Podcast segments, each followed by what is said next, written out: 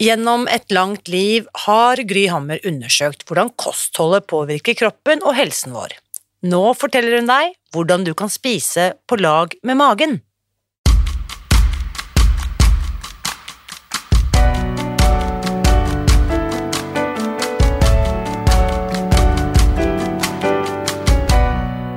Mitt navn er Irina Lie.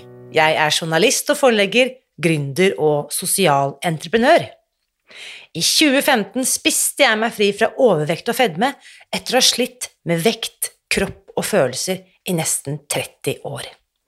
Etter at jeg knakk koden, ga jeg meg selv et nytt oppdrag – å dele denne kunnskapen med alle som trenger det. I denne podkasten kan du derfor høre hele lydboken Spis deg fri. Den finner du ved å bla deg tilbake i arkivet og lytte til første sesong. Hver uke inviterer jeg nå gjester som gir deg påfyll til hodet, hjertet og magen. For min visjon er å endre Helse-Norge, og det får jeg ikke til alene. Du bidrar ved å abonnere på podkasten, skrive en omtale i iTunes og tipse meg om hvem jeg burde invitere hit. Da setter vi i gang med ukens episode. Hvis du interesserer deg for kropp, mat og helse, og er nysgjerrig på hvordan det er mulig å optimalisere kostholdet ditt, har du ganske sikkert hørt eller lest om Gry Hammer. Hun har skrevet flere bestselgende bøker og formidler kunnskap i alle kanaler. Denne uken stopper hun innom podkasten, hvor hun forteller deg om sin vei inn i helsefeltet, og hvorfor hun har blitt mer ydmyk i rollen som kunnskapsformidler etter hvert som årene har gått. Her er ukens gjest. Kjære Gry, velkommen til podkasten. Takk. Jeg er så utrolig glad for at vi møtes på ekte og sitter her sammen nå. Det er jo fantastisk. I like måte. Ja. Vi har jo ikke truffet hverandre før, men jeg har jo føler jo på en måte at jeg kan ikke si at jeg føler at jeg kjenner deg, men vi, jeg har jo fulgt deg eh, og hørt om deg i flere år. Hva har du hørt? Jeg vet hva jeg har hørt at eh, jeg har hørt liksom Det som jeg har hørt oftest, er sånn Du må treffe Gry. Ja. Du må invitere Gry. Du og Gry Hammer hadde hatt masse å snakke om, og det har jeg skjønt at det kommer vi til å ha. Ja. Mm. Det blir spennende. Det blir veldig spennende. Og den hva skal vi si, aktualitetsknaggen da, som grunnen til at jeg inviterte deg hit nå, mm. det er at du nettopp har gitt ut en ny bok. Ja. Så den skal vi snakke om. 'Gladere mage, gladere deg'. Ja. Eh, jeg elsker jo tittelen, og jeg elsker boken, men før vi kommer så langt, vi må jo snakke litt om deg først, for de som ennå ikke har hatt gleden av å treffe deg, eller møte noen av bøkene dine, eller Nei. Ja. du, du, kan bestemme. Hvor skal vi begynne? Hvor, hva vil du Det spørs hvor langt tilbake du vil det. Vi, tar, vi spoler hele veien tilbake. 6. oktober 1974. Ja, der, ja. Der ble jeg født i Bergen mm. og bodde der de tre første åra av livet mitt. Så flytta jeg til Selje, ja. i mora mi sin heimbygd. Men jeg tror kanskje at historien min begynte i Bergen, fordi at eh, jeg fikk så mange antibiotikakurer de tre første åra av livet mitt ja. når vi var i Bergen, at jeg ble resistent, sånn at jeg begynner å bruke sulfa på meg, eller motsatt. Altså, De drev og måtte lage andre cocktails for at det skulle slå inn, da, for jeg hadde kronisk halsbetennelse ja. de tre første åra av livet mitt. Uh, og så kom og gikk dette greiene der vet du, til jeg var ca. fem år, og da skulle jeg ta mandlene mine i Florø, på sykehuset der. Og når jeg kom inn dit og skulle ta mandlene, så sa han der overlegen at mm, det er best hvis vi lar være. Så hvis vi venter i et år til, så ser vi hva som skjer. Ja. Da roer det seg ned. Så, så utrolig bra mm. at du hadde møtt på en så klok lege. Mm. Og så skilte foreldrene mine seg da jeg var fem år, og jeg var pappajente. Så det skjedde et eller annet da òg. Så når jeg var rundt en sju-åtte år, så utvikla jeg kjempesterk eh, allergi mot husstøv og hund og fugl og rare matvarer. Mm. Um, så jeg gikk på dobbel dose med antihistaminer og Lomedal og alt mulig greier fra jeg var sju-åtte år og til jeg var 25 år. Wow. Mm.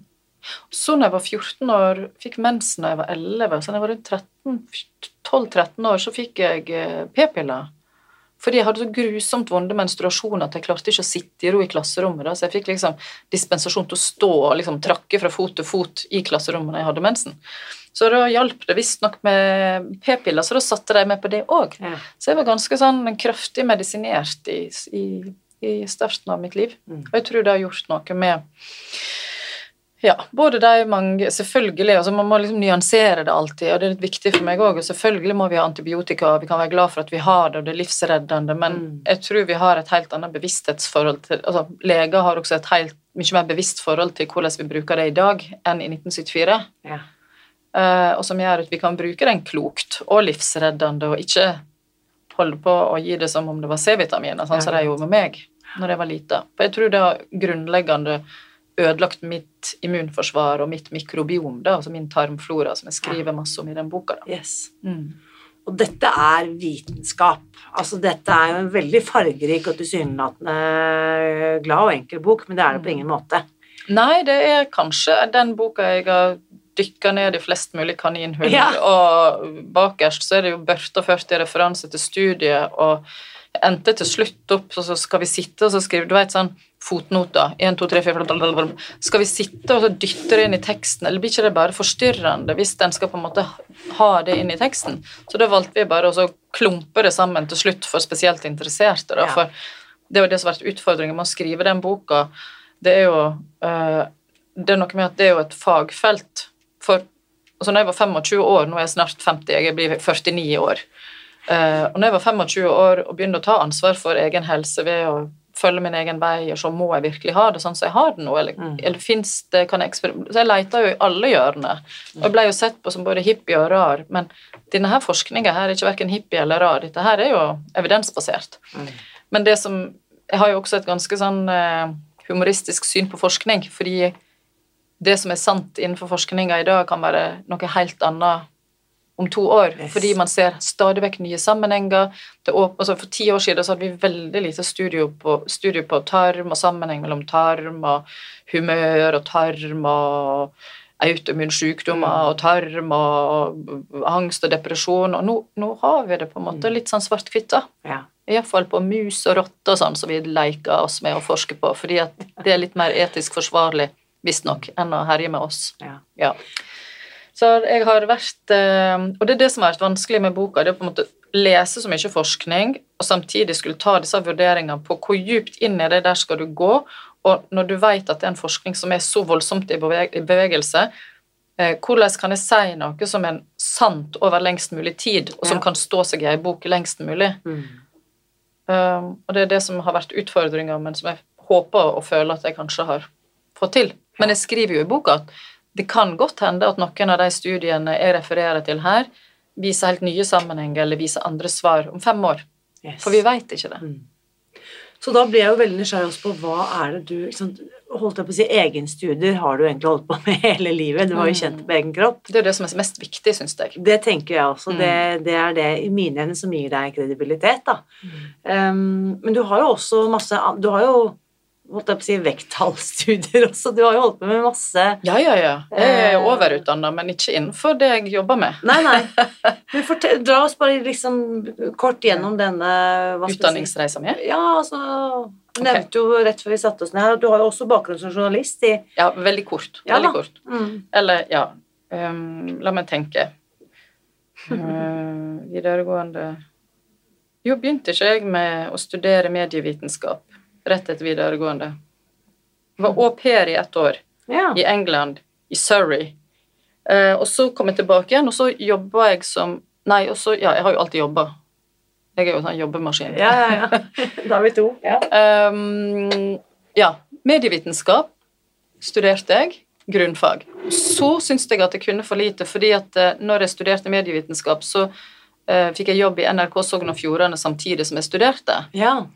Eh, og så følte jeg meg så liten og kunnskapsløs, og de lo litt av meg, disse her gamle, garva journalistene av og til. Du vet, hersketeknikk og Ja, ung kvinne, og du skal liksom plasseres da. Dette er jo noen år siden. Og da fikk jeg hette og tenkte at her må jeg kunne masse, så da studerte jeg statsvitenskap. ja. Det syns jeg var kjedelig, altså. Ja. Å sitte og studere metode og sånn. Det, altså, det var jo selvfølgelig interessant, jeg er jo et nysgjerrig menneske, det var jo masse som var interessant, men masse som var kjedelig òg. Og så var det litt feil, det her med Motivasjonen er feil. At jeg skal bevise noe for noen. Yes. Ikke sant? Så det, jeg gjorde det, men det var liksom fra et fryktfullt sted. Ja. Jeg var redd, derfor gjorde jeg det. Mm. Fordi at jeg ville slutte å være redd. Mestre situasjonen med å være en superkløktig og kunnskapsrik journalist som kunne alt. så ingen kunne ta meg. Ikke sant? Jeg tror, det, jeg tror det motiverer veldig mange livsvalg for veldig mange mennesker. Ja, men det, det, for meg er det feil, da. Men det har gjort det da. Ja. Og det var kanskje det mulig det var riktig, fordi at du får jo større altså, Det å studere det faget gjør jo at du forstår systemer. Du skjønner hvordan et samfunn er bygd opp. Mm. Eh, Det er lettere å se mekanismene i maktmisbruk. Du skjønner sammenhengene lettere Ja, når du skjønner noe så grunnleggende, hvordan eh, stater fungerer og Ja. Men uansett. Så eh, Er dette her interessant? Ok.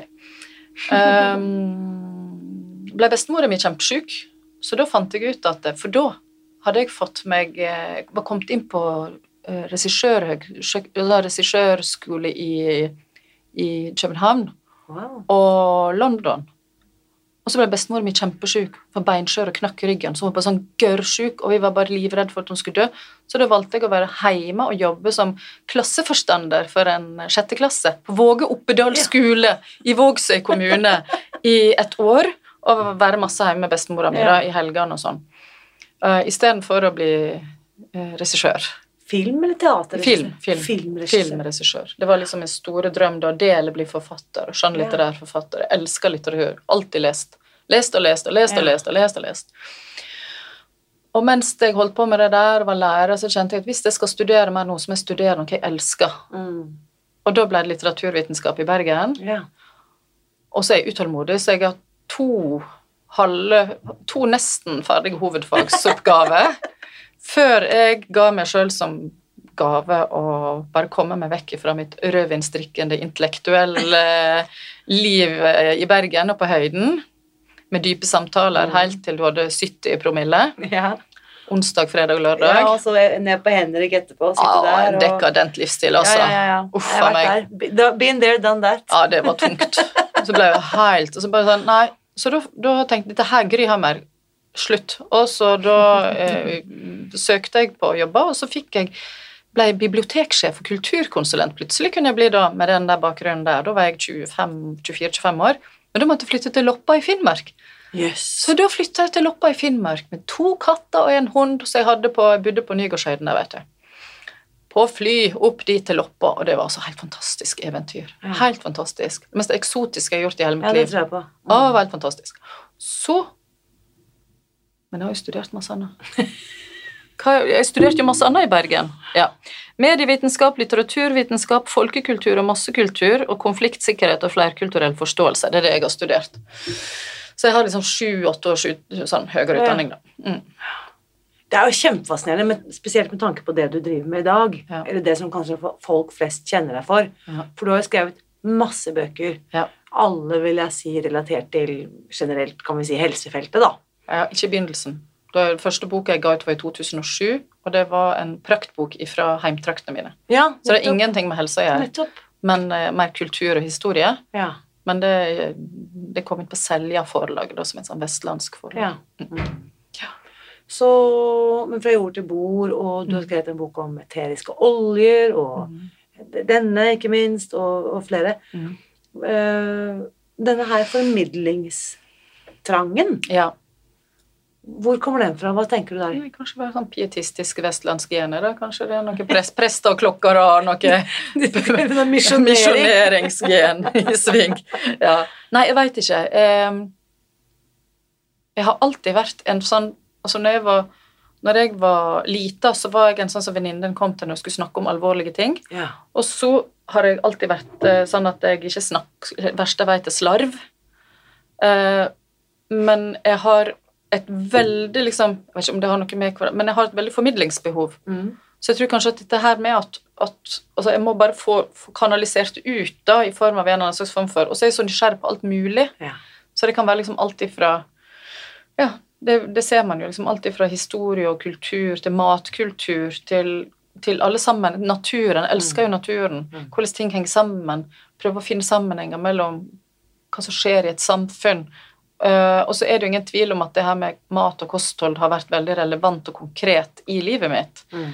De siste Altså siden jeg ble mor da for 20 år siden, så blir det jo en naturlig del av livet. Mm. Og så fikk jeg et alvorlig hjertesykt barn nummer tre. Barn nummer tre ble født med en alvorlig medfødt hjertefeil. Mm.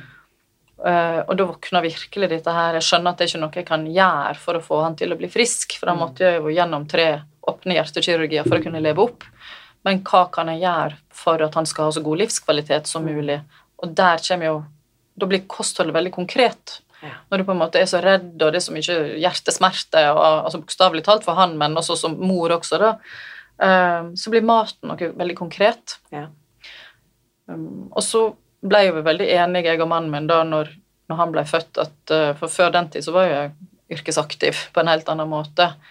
Uh, og mer sånn tenkte at ja, jeg kanskje skulle jobbe i forlagsbransjen og kanskje skulle ja, Mer sånn vanlige tanker. Men når Ja. han ble født, så, uh, så våkna dette her uh, Ja, jeg måtte bare ta vare på han og familien min. Det ble Yes. mitt mål. Og hvem er det av oss som tjener mest penger? Jo, det er han. Og hvem er det som klarer å stabilisere det best? Jo, det er han. Ok.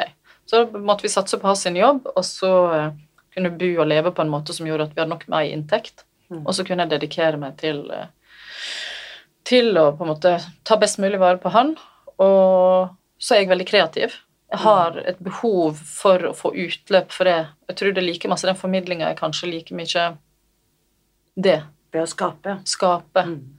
Og jeg kunne ikke verken skrive litteratur eller poesi altså jeg var, Det var ikke Jeg hadde ikke Eller mal Altså, jeg hadde ikke tid til det. Jeg holdt på med Isak. Han var liksom døgnet rundt. Mm. Så da, hvordan kunne jeg være kreativ? Det ble maten. For jeg elsker jo mat. Jeg elsker Mm. å ete, jeg elsker å lage mat, jeg elsker å eksperimentere. Mm.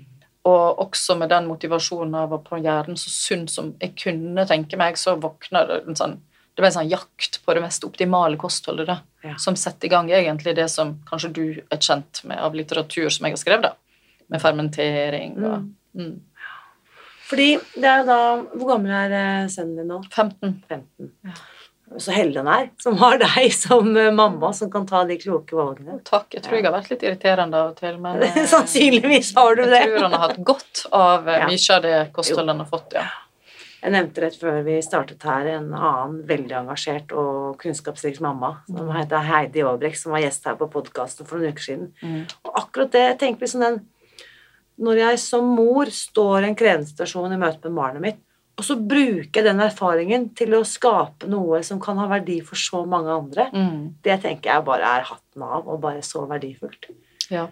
At eh, Det er godt også å vite at en kan hjelpe flere enn bare seg sjøl. Ja. Det syns jeg er Ja. veldig Jeg har en veldig sånn tanke om at vi er her på jord for å være noe for hverandre, ikke bare sitte og degge for oss sjøl. Ja. Så for meg blir det naturlig å dele det som jeg ser fungerer, men.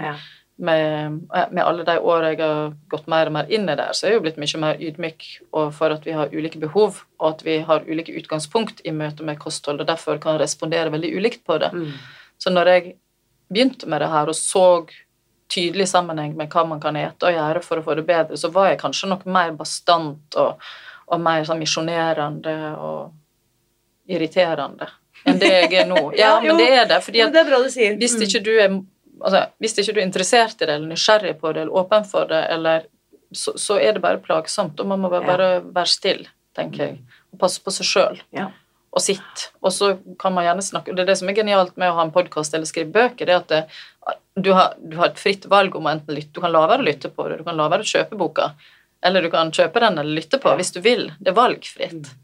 Og da slipper man denne her eh, plaginga. Og jeg, det du sier der, tror jeg er kanskje noe vi for sjelden snakker om. Hvorvidt at, altså det å se at vi er forskjellige, og at det er nødvendigvis da også forskjellige løsninger. Ikke sant? Eh, Og så tenker jeg også at vi er Villighetsnivået vårt er også forskjellig. Mm. Ikke sant? At eh, det hjelper ikke at det kunne ha hjulpet deg hvis ikke du er villig til å gjøre det. Så hvorfor skal jeg da være den som skal stå og hamre dette inn i hodet på deg at dette må du gjøre. Jeg har jo, altså, en, min, min aller beste venninne gjennom livet, eh, hun fins ikke interessert i dette her som jeg brenner for. Ja. Vi elsker jo hverandre overalt på jord, og vi støtter jo hverandre tjukt og tynt i viktige greier i livet, men jeg sitter aldri og snakker om um, hvor lenge man skal liksom fermentere ditt og datt og dutt, eller tarmhelse, eller det, Og det er litt greit også å vite når For meg ble det veldig sånn det ble så stort i en periode i livet mitt når jeg så hvor viktig det påvirka han, og det ble så voldsomt, jeg så hvordan det påvirka meg, og, og hva jeg kunne gjøre for vår familie som var så positivt. Og så, og så blir det så stort at hele min virkelighet handler om det. Mm. Og så da være bevisst på at ja, hele min mors virkelighet handler ikke om det. Hun er på et helt annet sted akkurat nå. Eller bestevenninna mi. Ja, ja. Eller en random person i bygda som jeg møter. Jeg kan ikke stå der og hamre løs med min eh, Ja, Mm. være litt eh, Men du, du nevnte jo tidligere sant, at du var 25 da du begynte å eksperimentere med hvordan Ja. kan jeg gjøre endrede helsevalg. Ja. Kan du huske hva det var du Hva var det første helsehacken? Dette kan jo også referere Første som helsehacken på godt og vondt, og som ligger helt grunnleggende i det jeg driver med, det er at jeg elsker dyr og syns at alt liv på jord har like stor verdi. Til og med makken. Så jeg er helt notorisk rar på det der. Um, og når jeg var 16 år og studerte eh, Gikk på videregående på Nordfjordeid, så satt jeg og så på en dokumentar om hvordan de behandla dyr under dyretransport i EU. Og det var jo for så vidt ikke i Norge, og vi er ikke med av EU da eller nå, men jeg ble så Jeg har aldri sett noe så skjellsettende som har rørt så djupt i meg Wow. um, som det der. Og jeg ble jo vegetarianer over natta. Oi. Bare som en sånn er det virkelig, Går det an å behandle dyr på en sånn måte? Altså det ble en sånn umiddelbar protest. Jeg forstår alle aktivister og altså voldsomt sånn eh, Det vekte en aktivist i meg den gang, da. Mm. Fordi at eh, det å um, Det med maktutøvelse, det å utøve makt overfor noen som ikke er i stand til å forsvare seg sjøl, det er det verste jeg vet. Og det kan være på politisk nivå, overfor dyr, overfor barn, overfor whatever. Og det vekte et eller annet i meg, men jeg hadde jo ikke peiling på kosthold eller ernæring, og jeg hadde jo et ganske puslete utgangspunkt. Så det å frarøve meg fisk og kylling og, og storfe og, og levergryta til mamma på det tidspunktet der, det var egentlig eh, krise. Ja. Så jeg hadde jo et varmt hjerte for dyr og god samvittighet, men det gjorde ikke min kropp noe spesielt Nei. bra. Mm. Jeg hadde ikke noe god helse før heller, så om det ble bedre eller verre av det, det, det ble iallfall ikke bedre. Mm. Og når jeg var 25 år, så var jeg fremdeles vegetarianer. Ja. Eh, Men det jeg oppdaga da, det var blodtypedietten. Ja. Og det som skjedde når jeg da har blodtype A og tar vekk melk og gluten og eter mer rene råvarer, så ble jo jeg kvitt veldig masse av disse allergiplagene mine. Så jeg kunne halvere eh, dosen med sånn her eh, Syrtek og Lommedal, og etter et års tid så var jeg helt fri fra disse medisinene. Det vil si, hvis jeg ble satt i baksetet med en St. Bernhardshund, eksempel, eller måtte være på en hytte med masse greier, så fikk jeg jo Da måtte jeg bruke, Ja. bruke antihistaminer, da, men jeg klarte å regulere det da. Så Men det var jo når du fulgte blodtypeletten, så begynte du å spise animalsk Nei, nei, fordi det var jo helt topp, syns jeg. For da skal du jo mer eller mindre være vegetarianer. Så Ja, jeg syns det var helt nydelig at jeg endelig hadde funnet en diett som var helt perfekt Ja. i tråd med min, altså mitt behov, mitt blod, tenkte jeg da. Dette er jo helt fantastisk. Og det forespråkte jeg lenge, så når jeg fikk barn eh, han Isak, eh, som var barn nummer tre, han var jo vegetarianer, stakkaren, til han var ett og et halvt år. og jeg, altså, jeg har stor respekt for alle som lar være å ete industridyr som har hatt det forferdelig. Fordi jeg syns vi har en matindustri som er veldig kynisk, der det er kjøttvekt og volum som teller, og ikke dyrevelferd. Og det er derfor vi har ehm, millionvis av kyllinger som aldri ser dagens lys og lever helt forferdelige liv, Mm. og griser, som kanskje en 5% av alle griser har det bra i Norge, resten Ja. har det rett og slett helt uverdig på alle, alle, absolutt alle måter. Helt grusomt. Og Norunn Haugen har jo skrevet en bok om det, og det er jo bare, det er bare vondt å lese. Mm. Men, så det har motivert meg fryktelig det der. Men når øh, jeg fikk Isak, og vi var fremdeles vegetarianere, Og apropos forskning, så er det vanvittig masse forskning som underbygger at det er et supert kosthold. Antikreft og antiditt og antidatt. Uh, og masse antioksidanter og bærekraftig, og det, altså det er mange sånn aspekt ved det som liksom skal være politisk korrekt i vår tid. Så jeg følte meg jo veldig edel og nobel mm. uh, når jeg hadde det kostholdet. Og så fikk vi Isak på det kostholdet med den hjertefeilen, og da, da våkna dette her medisinsk mat, så da havna jeg inn i sånn superfood, raw food-universet. Oh, ja. Ja. For utgangspunktet var liksom vanlig vegetarmat, der vi savna litt kjøtt, så vi kunne spise vegetarsnitsel og vegetarpølse til ungene på når jeg skulle på, altså, på grilling, så altså, Det var jo en del sunn mat og masse grønnsaker og sånn, men det var jo masse tjafs. altså Det var jo en del sånn kjøtterstatningstjafs kjøttfarse, og det er ikke sunt, vet du. Det er jo bare fyllmasse og rare greier. Mm. Ultra, rett og slett ultraprosessert mat. Rart, ja. ja. Og planteolje. Og jeg fant jo også Fedon Lindberg, som jeg nå holder kurs i lag med, han oppdaga jeg på den tida, og han snakket jo om olivenolje. Og jeg kjøpte jo olivenolje og bada maten min i olivenolje, men det var jo ikke kaldpressa olivenolje, det var jo veldig hardt prosessert olivenolje. Så jeg hadde veldig masse betennelser i kroppen min i alle denne tida her.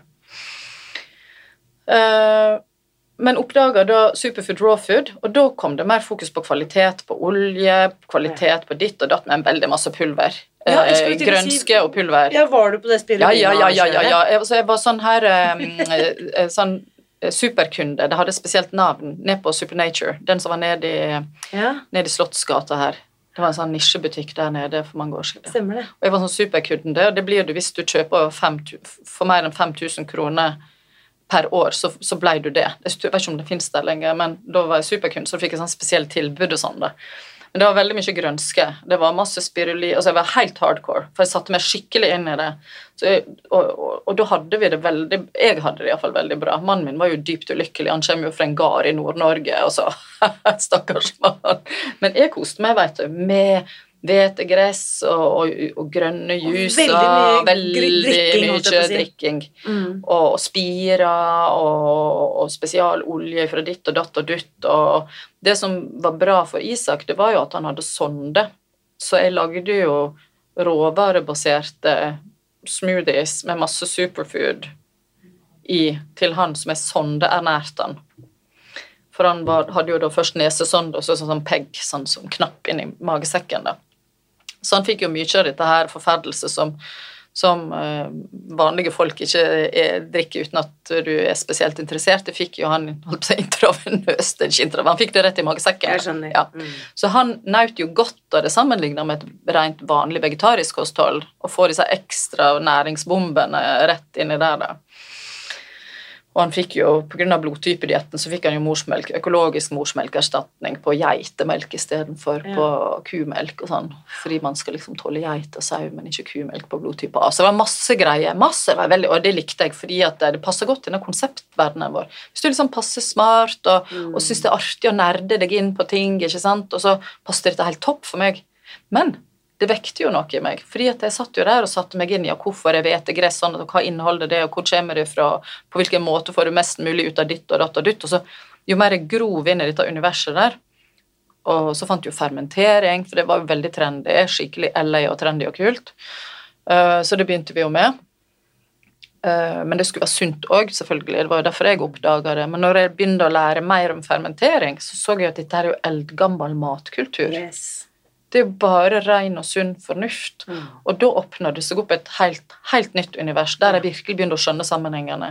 Og forstå at ok, her har vi da Superfood Raw Food, det er bare enda et sånt kommersielt konsept som vår tid um, byr så mye på. Så hvis du skal begynne å sykle, så må du selvfølgelig ha spesialsykkel, spesialsykkelsko, yes. spesialhjelm, spesialsykkelshorts, uh, uh, sikkert tights spesielle vest Altså, du må liksom ha alt Der har du konsept. Hvis du skal mm. gå på skitur, så må du ha det og det og det utstyret. Konseptet skitur. Yes. Og det, dette der, det er det der som jeg på en måte nå kjenner at jeg er begynt å bli helt sånn allergisk mot. Det beste jeg vet, er når mannen min drar på Old Boys i en sånn sønderslitt skjorte som han har hatt siden, han var, siden jeg møtte han, fordi at han liksom ikke faller i denne her fella eh, Nå skal jeg ha på konsept fotball. Ja, ikke sant? Av det topp interessant Vi har liksom sånn så ja. penger, ikke sant? Ja. så hva skal vi gjøre med det? jo? Så ser vi på reklame, og så skal vi ha alt mulig, da. Sånn at vi skal passe inn i et Mm. konsept. Det er så fascinerende, og der er vi spesielt vært utsatt for mye programmering på når det gjelder mat. Og disse ulike konseptene som du Ja, ja, ja. Så skal vi være veldig uenige, da. Så de som er veganere, de er sinte på vegetarianerne. Men de kan jo til nød stå i sammen om å, å være imot kjøtteterne. Og alle kjøttetere er ondskapsfulle, onde mennesker. Og alle vegetarianere de er noble, rene, sarte sjeler. Ikke sant? Så disse narrativene som jeg på en måte ikke kjøper, da. Mm. Og jo mer jeg har forstått, jo mindre kjøper jeg av det, og jo mer vil jeg ut av det. Det blir for trangt Mm. for meg, da. Det klarer ikke å romme det som må til for å leve hele og friske liv. Nei, og du, du skriver det et sted i boken her, som jeg også øh, har snakket mye om. Når folk spør liksom, hva skal jeg spise, da, så sier jeg ofte det som du også skriver her.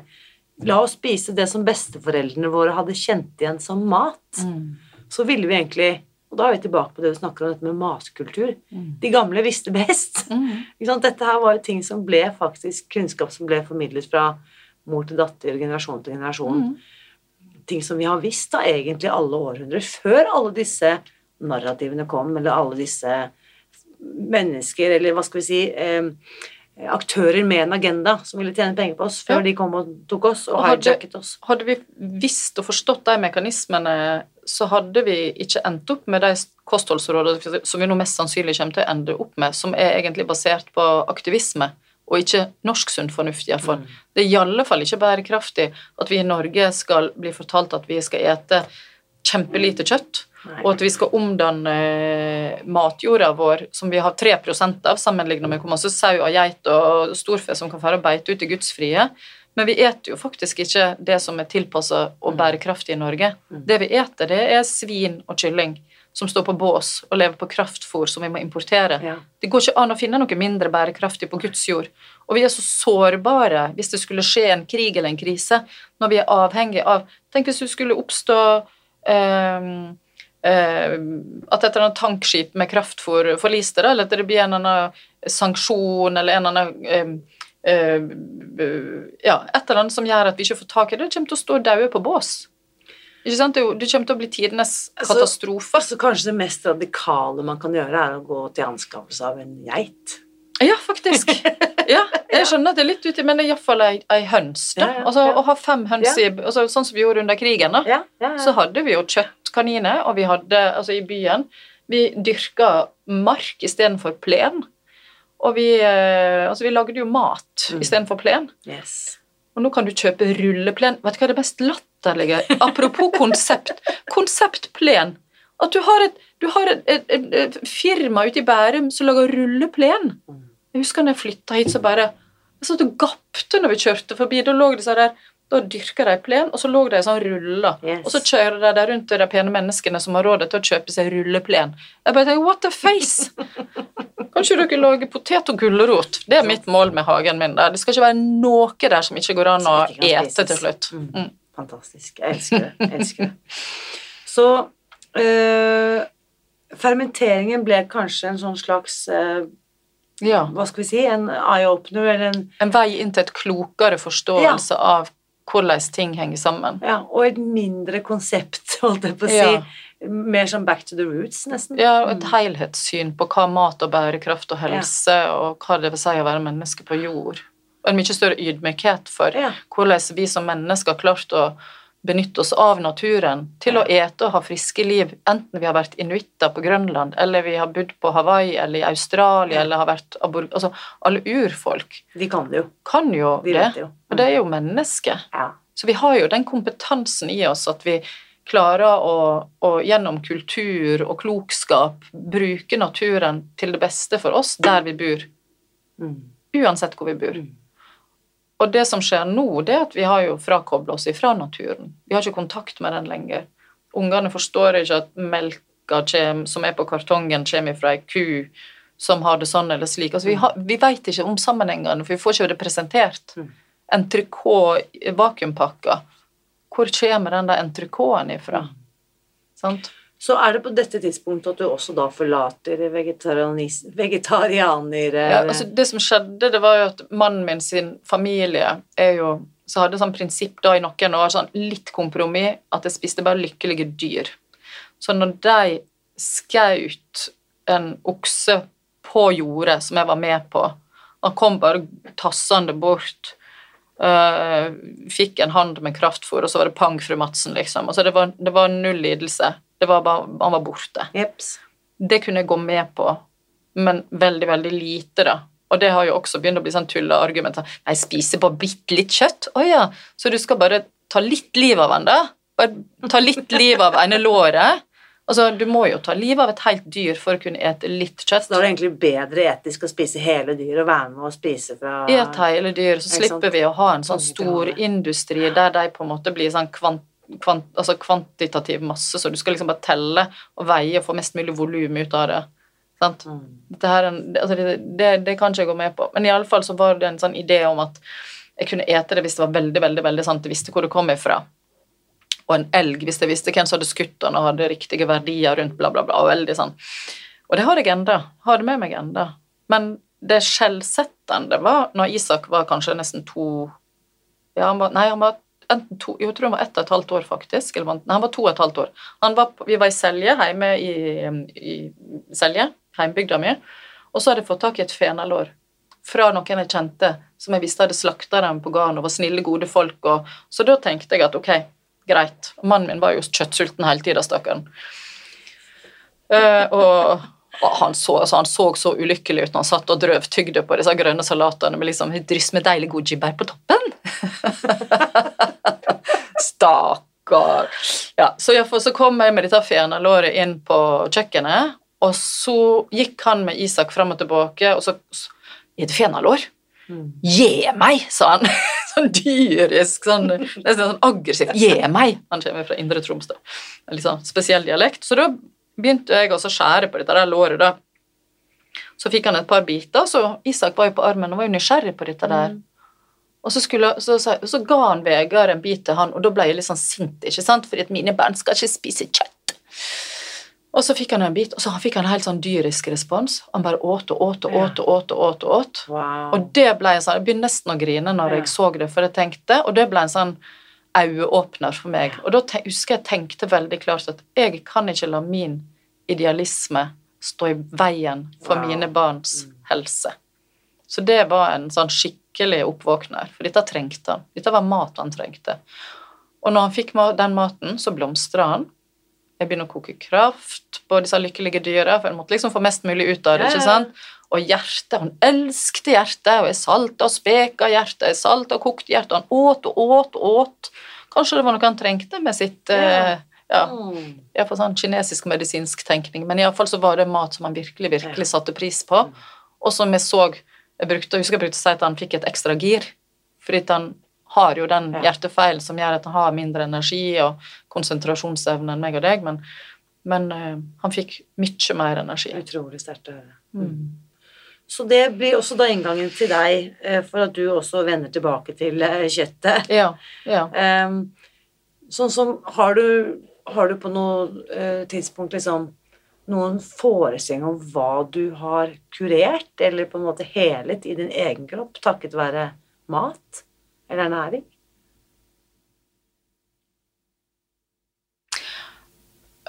ja både og. Mm. Hvis du bare tenker mat og ernæring altså, Det gjorde jo at jeg fikk et bedre immunforsvar. At jeg ikke ble så ofte syk. Slapp å bruke medisin. Jeg har ikke brukt eh, eh, Paracet eller Ibux eller noen av disse symptomlindrende greiene, for jeg har ikke hatt den type smerte eller problem. Mm. Eller eksem eller noe. Altså, jeg har liksom ikke Og hatt, vært fin for den allergien min. Og jeg hadde jo en veldig sånn putrete mage. og Det var jo mye grønske, og det er jo naturlig at du går og putrer òg. Men du fikk jo mye roligere mage. Ja. Og så husker jeg at når jeg oppdaga den tradisjonsmaten som var liksom næringsrik, og vi åt lever og vi åt hjerte og kokte kraft, og jeg gikk på gårder og henta melk rett ifra tank og lagde kefir og surmelk og ble opptatt av beitefôr av høns, og, og, og vi fikk høner, og vi hadde plutselig masse egg i kostholdet, mye mer enn før, så det ble jo veldig næringstett. Og da kjente jeg at jeg ble mer robust sjøl. Ja. Og det som jeg merka det kanskje tydeligst på som mor altså Jeg tenkte ikke så mye på meg sjøl i den tida, for Isak var så alvorlig syk. Mm. så, altså Fokuset mitt var lite på meg sjøl. Men det jeg merkte det på, det var at når jeg ble gravid med nummer fire Når jeg var gravid med nummer én, så klarte jeg å amme Hun som nå er 20, hun klarte jeg å amme i tre måneder. Mm. Da hadde ikke jeg mer å gi. Og hun nummer to, hun amma jeg i nesten et, nesten et år. Men da var jeg tynn som en strek, for jeg hadde ingenting mer å gi. Og hun var mer sånn som sugde, hun ville ha, og som stimulerte det. Så, så jeg var så tynn som en strek. Jeg har aldri vært så tynn i hele mitt liv, jeg som da. Uh, og når Isak kom, så satt jeg jo med sånn pumpen, for han klarte jo ikke å suge, for han var så svak. Så da også hadde jeg ikke noe å gi. Men med den fjerde, uh, på det kostholdet der, så hadde det letteste svangerskapet den letteste fødselen. Jeg fant, det kan være fordi det var nummer fire og var åpen og, Jo, jo. og bla, bla, bla. Men, men det var en fantastisk graviditet, en fantastisk fødsel. Og jeg amma henne til hun var tre og et halvt år. ja. For jeg hadde masse Så, å gi. så mye energi Ja. selv, liksom. Mm. Jeg husker jeg skulle på en Madonna-konsert i Göteborg, og da var hun to år. og bare, å, jeg satt og grein, sto på, på, på et sånt tog på vei til København, skulle besøke en barndomsvenninne som bor der, og sto jeg sånn opp etter opp etter Jeg hadde ikke noe å pumpe med, for jeg trodde ikke det skulle skje. Jeg visste ikke at jeg hadde så masse melk, liksom. Så jeg husker jeg sto på badet der, og sånn, du vet når du står sånn fly, sånn togdo, med hodet opp etter veggen, og så sto jeg og prøvde å pumpe meg sånn, så det sto spruta ned i do, og så sto jeg og grein, da, for man blir jo så nær disse barna sine òg når man er sånn amming, ikke sant? Ja, ja, ja. Jeg skal være på vei til Madonna-konsert For en absurd situasjon. Ja, fantastisk. Ja, og det syns jeg husker jeg synes det var så utrolig. Hun var jo sånn, og det var sånn, barn nummer fire, det var sånn, og det var så deilig, for det var naturlig, hun var friske, og jeg, hadde, jeg var frisk og hadde masse å gi, det var liksom, det var så rikt, det føltes så meningsfullt Ja. å se sammenhengene og, se så tydelig at måten vi lever på påvirker oss da. Ja. Så dette her eh, Tarmhelse, det er jo Jeg, jeg, jeg hørte aldri noe om dette holdt jeg på å si, Nei. da jeg vokste opp, eller Nei. i gamle dager, eller for så lite som ti år siden. Det var helt, helt, helt fremmed. Mm. Men eh, det at dette nå er noe vi snakker om, og Mm. noe som stadig flere på en måte kan noe om, og ikke sant, at det forskes på, det er jo kjempespennende. Kjempespennende. Eh, Det var jo tabu før, ikke sant? Du snakket jo ikke bæsj og tarm. Nå snakker vi Vi har jo en svigersønn som kom inn i familien og bare 'Å, herregud, skal vi snakke om bæsj igjen er, det er ikke ett eneste måltid der, der en av oss bringer ordet bæsj på banen. ikke sant? Det er blitt sånn eh, helt naturlig for oss. Ja, eh, Sjarmen med tarmen gjorde jo underverket. Ja, ja, ja, ja. åpnet jo mange dører. ja, ja. ja. Eh, jeg blir jo kjempeinteressert. Jeg, har ikke, vet ikke om du snakker om den, der, den Bristol-skalaen. Har du hørt om den? Nei. Som man, da kan man analysere sin egen bæsj, da.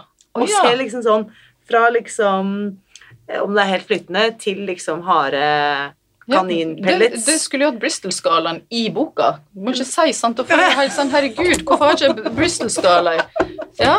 Nei, men det er jo det er, det er et eller annet med kunnskap som gjør at dette blir tilgjengelig for folk. Ja, At det blir relevant. Mm. Ikke sant? Det tror jeg faktisk ikke jeg skriver om, men det, det har jeg faktisk brukt å si at du- man må få et forhold til bæsjen sin. Jo, du skriver noe om det. Gjør jeg det? Titt. Ja, Er sant? Jo. Og det var bra. Jo, Nå fikk jeg liksom, ble så fritta ut av den der Nei, Bristol-skalaen. nei, nei. nei. Ehm, så Men det som jeg også elsker at du gjør Du snakker jo om så mange ting som kanskje folk flest ikke tenker på i forbindelse med fordøyelse. Mhm. Vagusnerve, Mm. pust du Søvn. søvn. Du skriver også dette med at f.eks. traumatiske barndomshendelser kan faktisk påvirke fordøyelsen din. Mm. For det er jo, liksom, vi bærer jo på ting i magen, Mm. Man blir jo helt forknytt. ikke sant? Ja. Og vi har jo, ja, vi, vi har jo en sånn respons på, på vårt følelsesliv at vi, at vi knyter oss, og da strammer jo Mm. alt seg, og det blir trangt, og muskelspenninger, og det påvirker tarmen. Så påvirker det tankene. Yes. Og i eh, Hva skal jeg si? Jeg har referert til dette tidligere. Det sies jo at vi har flere hjernenevroner i fordøyelsessystemet Mm. enn vi har i hjernen. Ja, det er flere nervesignaler fra tarmen til hjernen enn fra hjernen til Enn andre veien, ja. ikke sant? Mm. Så det er jo helt åpenbart at vi tenker med magen. Mm. Vi gjør det. Og det er derfor jeg sier at du kan eh, Jeg, snakker jo ofte om å leve et hjertestyrt liv. Ja. At du kan, eh, du kan godt være nysgjerrig på magefølelsen, men jeg ville heller ha stort, Jeg ville ikke ha stolt på magefølelsen. Jeg ville ha stolt på hjertefølelsen. Fordi at eh, hvis du har nedsatt fordøyelse, så har du kanskje litt dårlige signal mellom tarmen og hjernen. At det kanskje ikke er så veldig fornuftige og rasjonelle tanker du har, så lenge den tarmen din er lekk og i ubalanse. Ja. Så da ville jeg ikke helt ha stolt på den magefølelsen. Nei. For den, den, det handler mer om erfaring, at du på en måte At du har en sånn Oi, du har en sånn hunch på at, at det dette har jeg en dårlig erfaring med, dette her må jeg styre unna. Mm. Men det er jo frykt. Mye redsel, ja. Ja. Som sitter fast der. Eller rett og slett bare dårlig signal. Mm. Og det, det er jo veldig mange som opplever, og det ser man jo på barn også, som eh, at hvis de begynner å ete mer råvarebasert, får reparert lekktarm, så plutselig så har ikke de så mye atferdsforstyrrelser. Og, men når det er sagt igjen, som systemkritiker, det skolevesenet vårt er ikke akkurat designa for sturdy, friske gutter spesielt, som skal gå og frese rundt og klatre i tre og utforske verden, og sitte på en pinnestol i, eh, i så mange år av livet sitt når du egentlig skal bruke kroppen din og utforske verden. Det er altså dyreplageri, holdt jeg på å si. Det, det er ikke bra. Jo, jeg, og jeg tenker jeg, jeg, jeg, jeg, selv, jeg har jo to barn, som, to jenter som også har gått gjennom eh, på en måte barne- og ungdomsskole, og det er ikke tilrettelagt for barns naturlige hva skal vi si, Nei. behov for utfoldelse og Nei. teste ut hvor mye tåler jeg, hvor langt oppi dette treet kan jeg klatre. Det de tåler, lærer seg da hvor lenge kan du sitte på en stol og kjede vettet Ja. deg. Og mine, øh, altså, Jeg syns jo synd på mine tre døtre, fordi at de er jo sånn well behaved. Så de passer inn i det her. Ja. Men det betyr ikke at det er bra for dem, eller riktig for dem. Det betyr bare at de er snille piker, Det er og det irriterer Ja. meg så grenseløst. Så er det så fantastisk at våre fine døtre og sønner har eh, foreldre som ikke kanskje er like well behaved. Jeg håper de, jeg håper de blir skikkelig rebeller. For det er sånn Kan ikke du skulke, da? sier jeg. Men jeg kan ikke skulke. Ja, men det skulk. Ja. Vi skal, eh, det som jeg bare har lyst til å si, da Det jeg tenker for de som hører på dette her, og kanskje sliter med hva enn det måtte være Mm. Trenger gå inn på alle diagnoser, men ha trøbbel med magen, da, for å si det sånn. Ja. Det jeg syns er liksom viktig, er å tenke at det, det finnes håp. Det Mm. finnes løsninger. Ikke, det er ikke sikkert at det er akkurat dette eller akkurat det du skal fortelle, som er løsningen for dem. Men jeg tenker at ikke gi opp, for at det finnes løsninger som kan funke for din mage. Ja, det er det. Og så er det jo også slik at jeg tror det er ca. Ja, 20% av Norges befolkning som virkelig har store mageproblem. Og så er det også et faktum at veldig mange går rundt og man tror at det skal være sånn. Ja, At man er sånn Dette er the new normal. Ja, fordi Ja. at eh, det, jeg, altså, Og jeg må jo ærlig innrømme at når jeg tenker tilbake på min barndom og virkelig kjenner etter, så er ikke det mageproblem jeg husker som mine problem.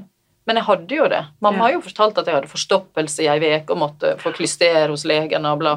Så, så, så jeg veit jo at jeg har hatt det. Men det, det kan ikke jeg huske. Nei. Så derfor så tror jeg det er veldig mange som går rundt om og tror og har vondt og problemer med magen, men de tror det skal være sånn, så de verken snakker om det eller, eller be- bevisstgjør seg rundt hvordan de kan få det bedre. Det bare er passe ræva Ja. hele tida. Ja. Og vi skal ikke gå rundt om å ha det passe ræva hele tida. Nei, Det er så bra du sier akkurat det. for jeg tenker jo også at Én ting er å bli fri fra smerte, det er jo bra, mye Mm. motivasjon i det. Men så tenk liksom Hvordan også kan jeg få det enda bedre? Mm. Altså ha optimal helse, da, Mm. sånn som du snakket om i stad.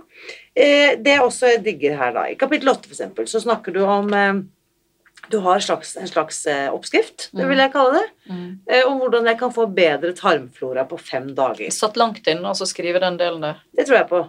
Jeg syns det er kult at du gjør det. Ja. Fordi her er det faktisk eh, Hvis du trenger hjelp, så this is how you can do it. Det kan Altså, jeg skriver jo innledningsvis også at det er ikke så fullt så enkelt. Eh, men jeg er helt overbevist om at hvis hele Norges befolkning Hvis han, eh, statsministeren sa 'de neste fem dagene' Altså, vi ble jo opplært til å oppføre oss på ett døgn når pandemien kom, så gikk jo vi som, eh, som lojale personer og gjorde alt det vi fikk beskjed om. Så hvis de hadde noe sagt, hvis kongen og statsministeren gikk sammen og sa de neste fem dagene så skal vi følge Gry Hammers femdagerskur til bedre tarm, vet du hva som hadde skjedd da? Da hadde en hel befolkning kjent på jøss, de blir bevisst på at de har en fordøyelse. Yes. De blir bevisst på at det er en sammenheng mellom det man spiser og fordøyelsen. De blir bevisst på hvordan man tenker og føler at det kan påvirke tarmen. Ja. De blir bevisst på at hvis jeg har sovet godt eller sovet dårlig, så påvirker det fordøyelsen.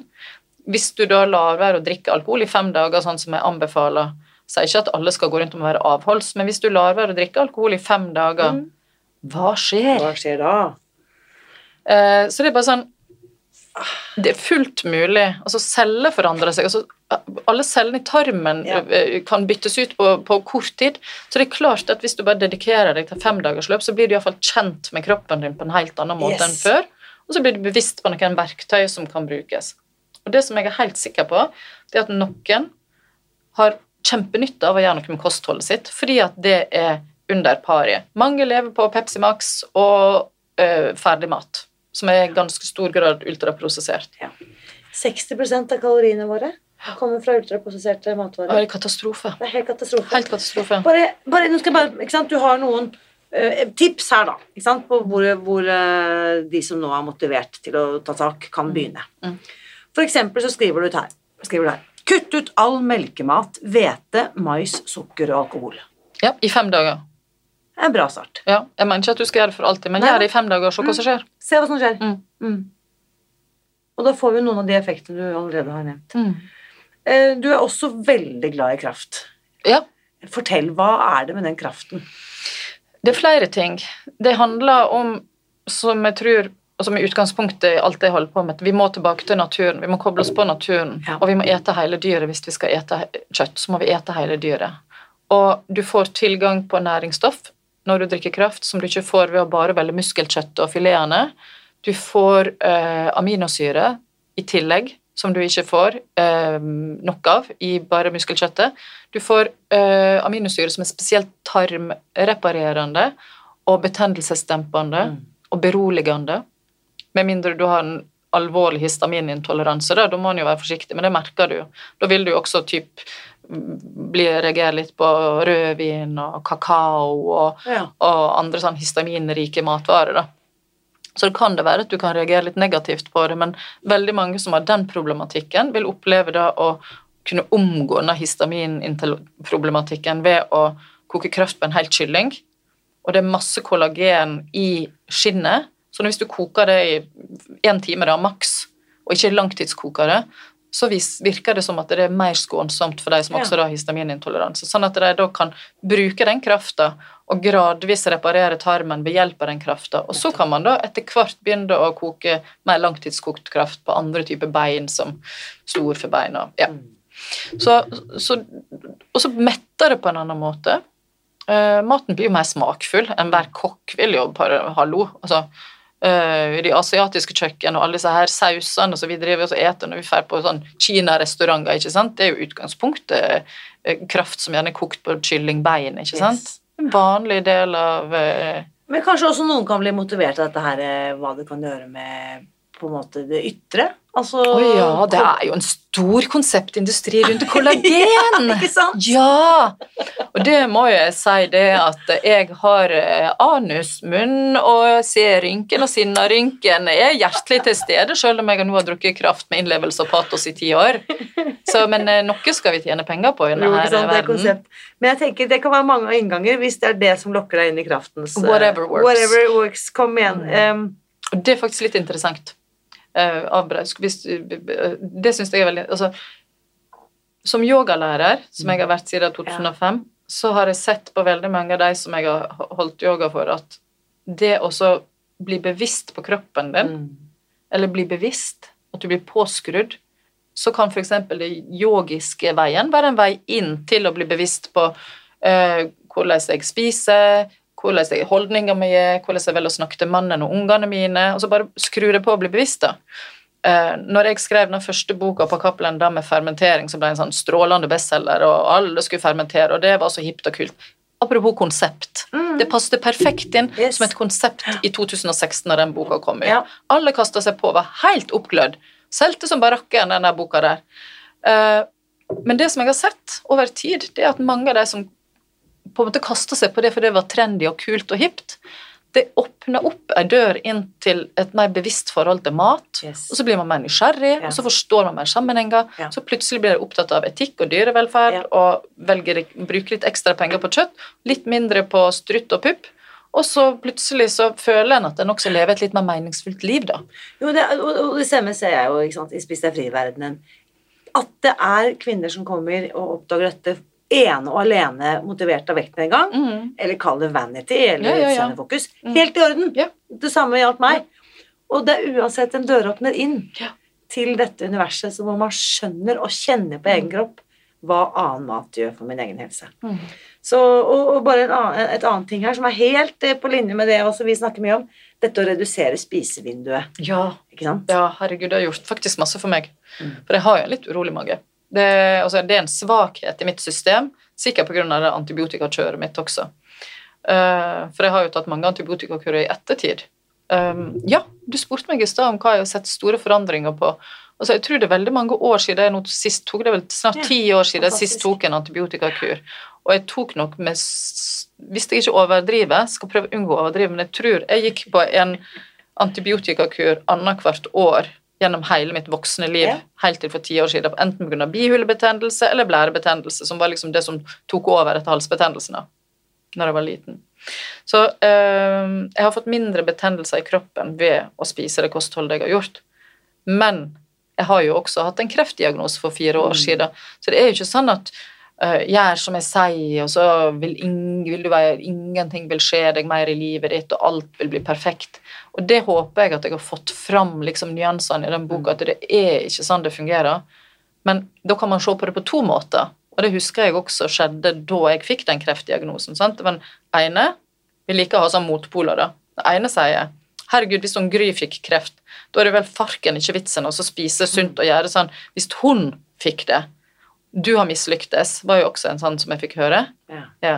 Mm, Så hvis du da, hvis du da liksom skal fortelle alle oss andre det at eh, dette her du skal spise sånn og slik, så alt bra, så går du hen og får kreft. Ha, ha, ha, liksom.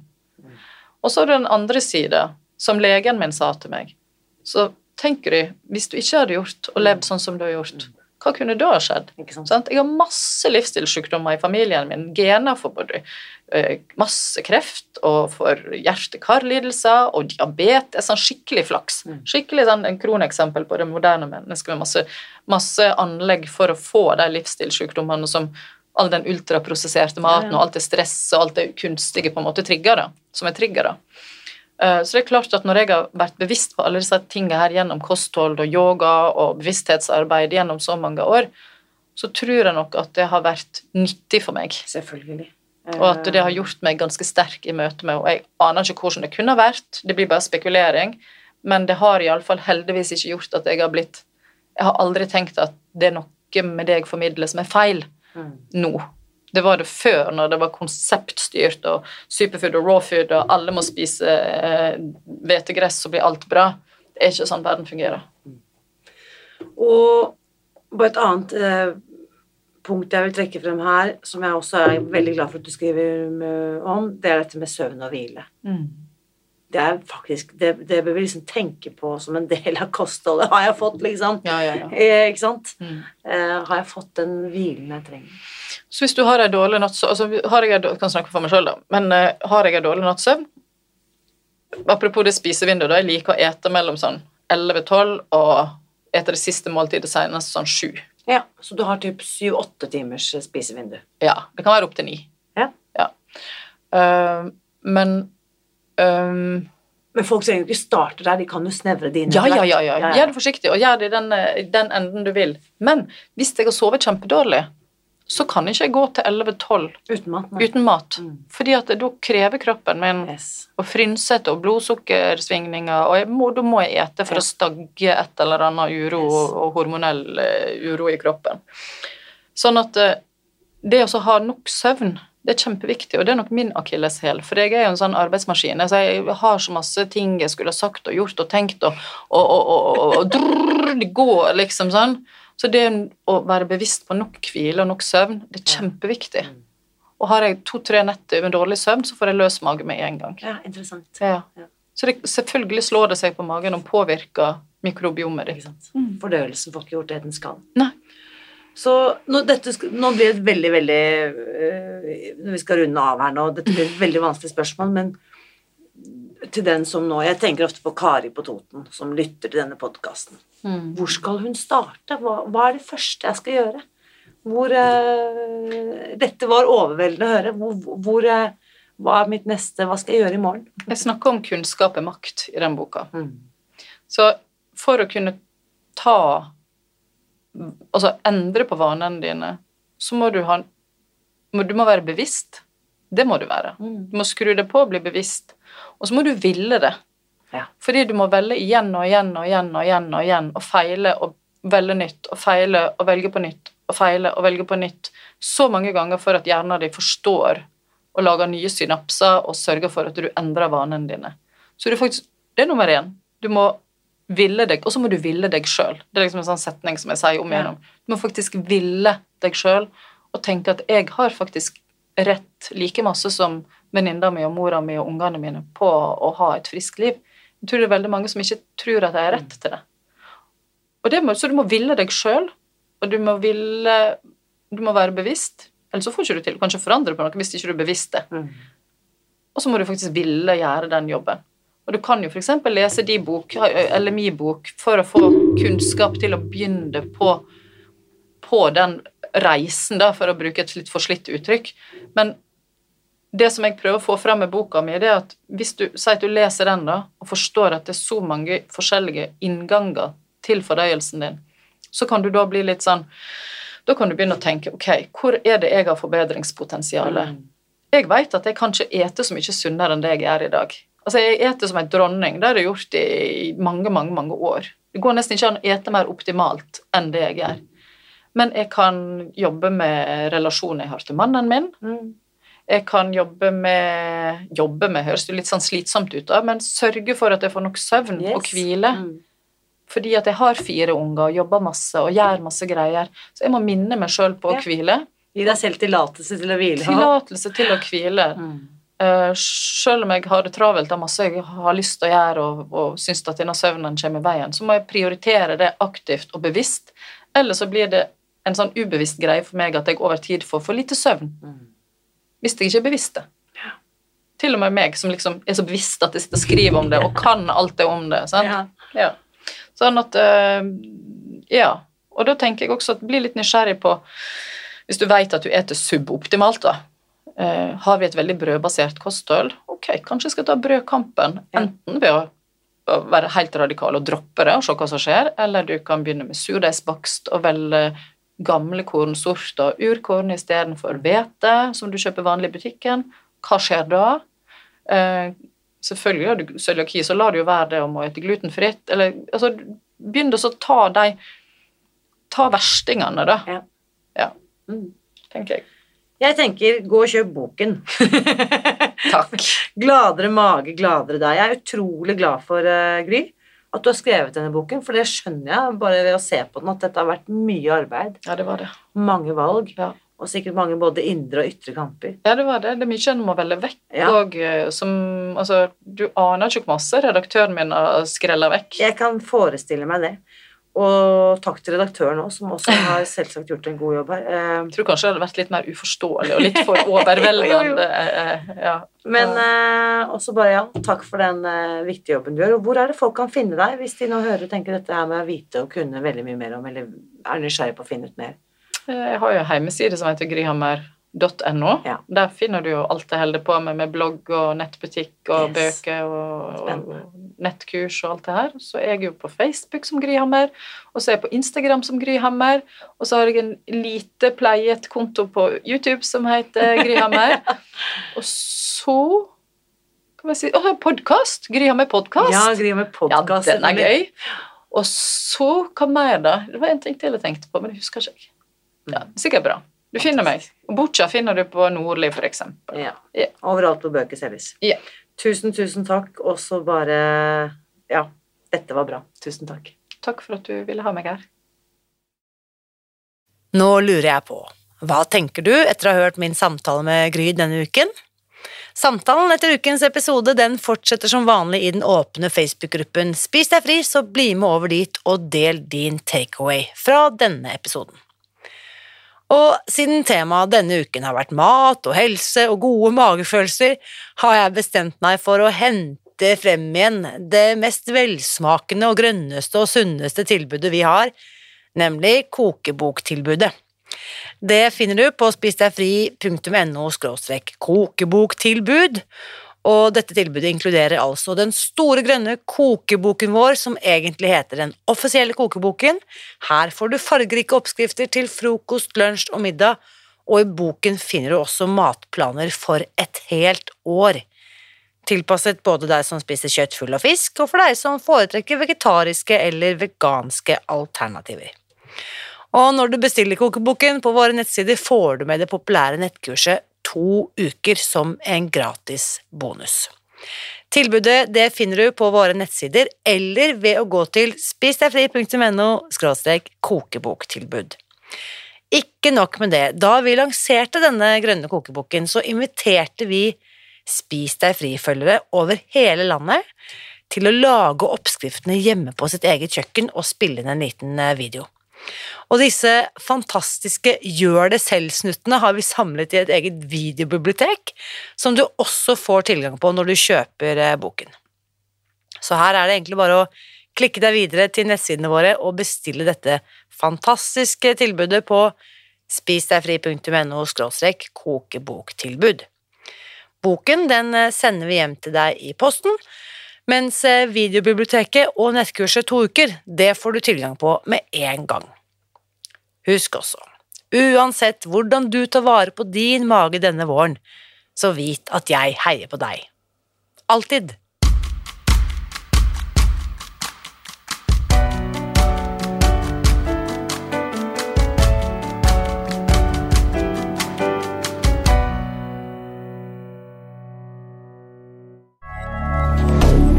moderne media.